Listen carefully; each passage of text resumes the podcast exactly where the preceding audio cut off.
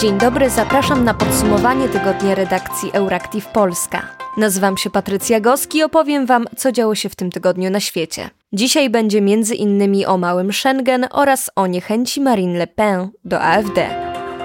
Recep Tayyip Erdogan złożył podpis pod przyjętą w tym tygodniu przez turecki parlament ustawą ratyfikującą rozszerzenie Sojuszu Północnoatlantyckiego o Szwecję. Swojej procedury wciąż nie sfinalizowały Węgry. Odpowiedni dokument podpisany przez Recepa Tayyipa Erdogana ukazał się już w tureckim dzienniku urzędowym, a napisano w nim między innymi, że zatwierdzenie protokołu o udziale Królestwa Szwecji w Pakcie Północnoatlantyckim zostało uznane za zasadne. Protokół ten podpisano 5 lipca 2022 roku i od tego czasu Sztokholm czekał na zatwierdzenie swojego członkostwa w NATO przez wszystkie państwa członkowskie sojuszu. Zdecydowana większość z nich zrobiła to bardzo szybko, ale swoje wątpliwości zgłosiły Turcja i Węgry. Władze tureckie domagały się od Szwecji zmian w prawie, które utrudnia działanie kurdyjskich emigracyjnych organizacji niepodległościowych. Szwedzi zmienili więc konstytucję i umożliwili w ten sposób rozszerzenie definicji ściganego przez prawo terroryzmu, za które uznawane jest także na przykład zbieranie funduszy na organizacje uznane w Turcji za terrorystyczne. Ale Sztokholm nie ugiął się przed innymi żądaniami Ankary. Nie zakazał przenoszenia kurdyjskiej symboliki na manifestacje, nie wydał Turcji kurdyjskich działaczy i nie zakazał palenia Koranu. Ostatecznie Turcja, choć przedłużała całą procedurę, w końcu odpuściła i w tym tygodniu sfinalizowano całość procesu ratyfikacyjnego. Rozszerzenia NATO o Szwecję nie ratyfikowały jeszcze Węgry. Budapeszt co prawda zapowiadał, że nie będzie ostatnim krajem, który to zrobi. Węgierski premier Viktor Orban zaprosił premiera Szwecji do Budapesztu na rozmowę o stosunkach dwustronnych. Nie jest tajemnicą, że Węgry są złe na Sztokholm za domaganie się przestrzegania praworządności. Premier Kristersson zaproszenie do stolicy Węgier odrzucił, ale stwierdził, że jest otwarty na rozmowę z Orbanem. Najprawdopodobniej obaj spotkają się w przyszłym tygodniu na szczycie Unii Europejskiej w Brukseli. Tymczasem 25 stycznia kierownictwo rządzącej Węgrami partii Fidesz ogłosiło, że głosowanie w parlamencie w sprawie rozszerzenia NATO o Szwecję odbędzie się dopiero po spotkaniu obu premierów. Liderka francuskiej skrajnej prawicy Marine Le Pen zagroziła zakończeniem współpracy z niemiecką AfD w związku z zarzutami, że niektórzy jej członkowie brali udział w dyskusjach na temat deportacji mniejszości etnicznych. Skłoniło to jej francuskiego konkurenta Erika Zemura do pospieszenia w obronie niemieckiej partii. Presja na AfD wzrosła po tym, jak organizacja Corrective ujawniła, że niektórzy członkowie partii wzięli udział w tajnym spotkaniu w Poczdamie, na którym dyskutowano o tym, jak można zmusić obcokrajowców i obywateli mniejszości etnicznych do opuszczenia kraju. Rewelacje te wywołały oburzenie i falę protestów w niemieckich miastach w ubiegły weekend. Wstrząsy dotknęły również europejską prawicę. Marine Le Pen, czołowa postać partii Zjednoczenie Narodowe, która należy razem z AfD do grupy Tożsamość i Demokracja w Parlamencie Europejskim, zdystansowała się od swoich niemieckich sojuszników. Będziemy musieli przedyskutować tak duże różnice i zobaczyć, czy będą one miały konsekwencje dla naszej zdolności do współpracy w ramach tej samej grupy, powiedziała dziennikarzom 25 stycznia na konferencji prasowej w Paryżu. Le Pen oświadczyła, że całkowicie nie zgadza się z propozycją, która mogła zostać omówiona lub ustalona w trakcie spotkania w Poczdamie. Francuskiej polityk szczególnie zależało na wyjaśnieniu stanowiska jej partii w kwestii deportacji mniejszości etnicznych, eufemistycznie nazywanej reimigracja. Nigdy nie opowiadaliśmy się za reimigracją, w sensie odbierania obywatelstwa francuskiego osobom, które je uzyskały, nawet na warunkach, które kwestionujemy, powiedziała. Podkreśliła, że istnieją duże różnice między jej partią a AfD, Obecnie AfD i RN są częścią skrajnie prawicowej grupy ID,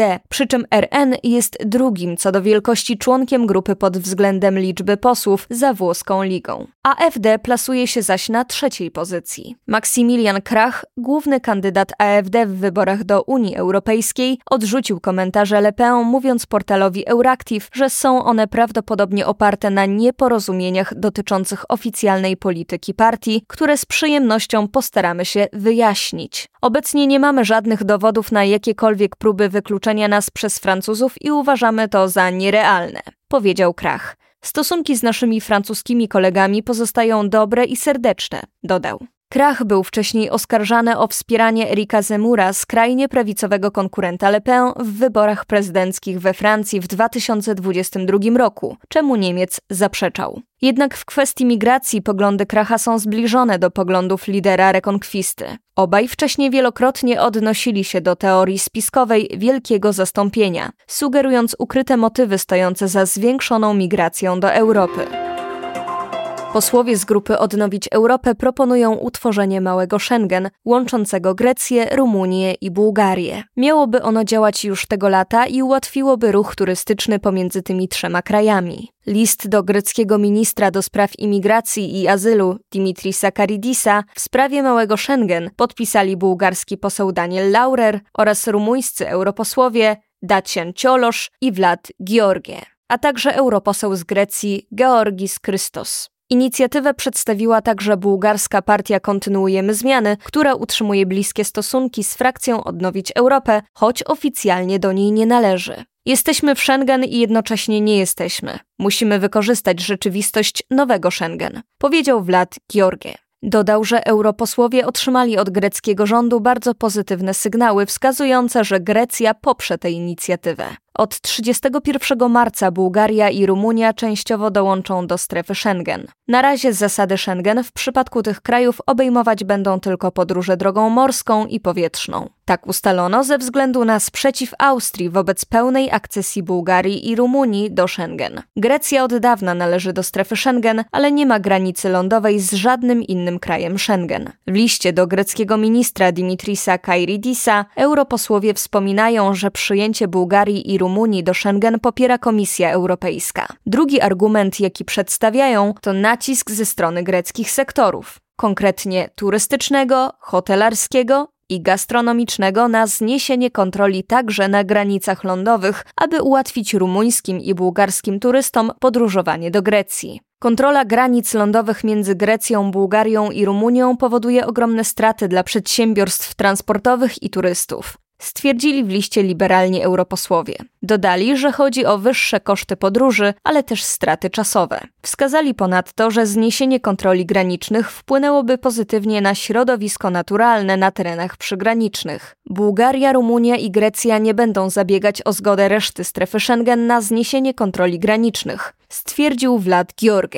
Te trzy państwa muszą jednak poinformować pozostałe, aby dowiedzieć się, czy któreś z nich jest przeciw.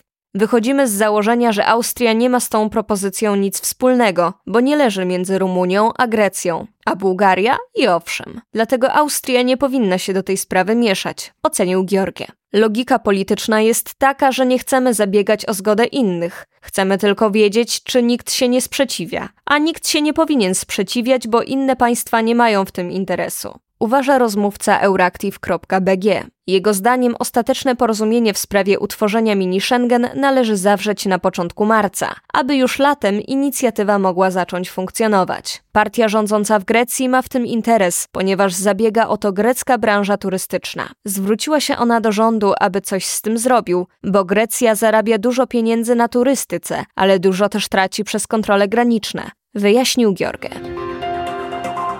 Holendrzy rzucili się do sklepów, aby wykupywać tak zwane zestawy ratunkowe, czyli specjalne pakiety sprzętu potrzebnego w razie wystąpienia kryzysu lub kataklizmu. Wszystko to za sprawą wypowiedzi wysokiego rangą oficera NATO, który to doradził. Czas odwracania wzroku minął. Musimy być przygotowani na konflikt, powiedział w ubiegłym tygodniu w Brukseli szef Komitetu Wojskowego NATO, admirał Rob Bauer. Holenderski oficer, który pełni obecnie najwyższą wojskową funkcję w strukturach Sojuszu Północnoatlantyckiego, został uważnie wysłuchany w swojej ojczyźnie, gdzie jego słowa były często cytowane przez media. Bauer mówił bowiem o tym, co w razie ewentualnego konfliktu zbrojnego powinni zrobić cywile, którzy zdaniem holenderskiego admirała powinni być na wszelki wypadek gotowi na wystąpienie nagłej sytuacji kryzysowej. Chodzi o przygotowanie sobie zawczasu tak zwanego zestawu ratunkowego, czyli pakietu przedmiotów i urządzeń, które pozwolą jak najlepiej przetrwać pierwsze godziny konfliktu zbrojnego w sytuacji, gdy wystąpiłyby kłopoty z dostawami energii czy żywności i wody pitnej. Podstawowe elementy takiego pakietu to przede wszystkim racje żywnościowe o długim terminie przydatności do spożycia, węglowe filtry do wody, latarki czy radio na baterie, co pozwoli słuchać komunikatów. To powinien być zestaw, który pozwoli przetrwać spokojnie przez pierwszych 36 godzin sytuacji kryzysowej, powiedział admirał Bauer, a Holendrzy ruszyli do sklepów, aby się w takie zestawy wyposażyć, co sprawiło, że latarek, zapasów baterii czy przenośnych radioodbiorników szybko zaczęło na sklepowych półkach brakować. Ogromny popyt odczuły zwłaszcza specjalistyczne sklepy oferujące gotowe zestawy ratunkowe, a hurtownie nie nadążają z realizacją zamówień. Sprzedawcy opowiadają holenderskim mediom, że próbują teraz zamówić szybkie dostawy głównie z Chin. W ciągu weekendu sprzedałem kilkaset zestawów ratunkowych. Zwykle tyle samo sprzedawałem w ciągu miesiąca lub dwóch, mówił dziennikarzowi The Telegraph,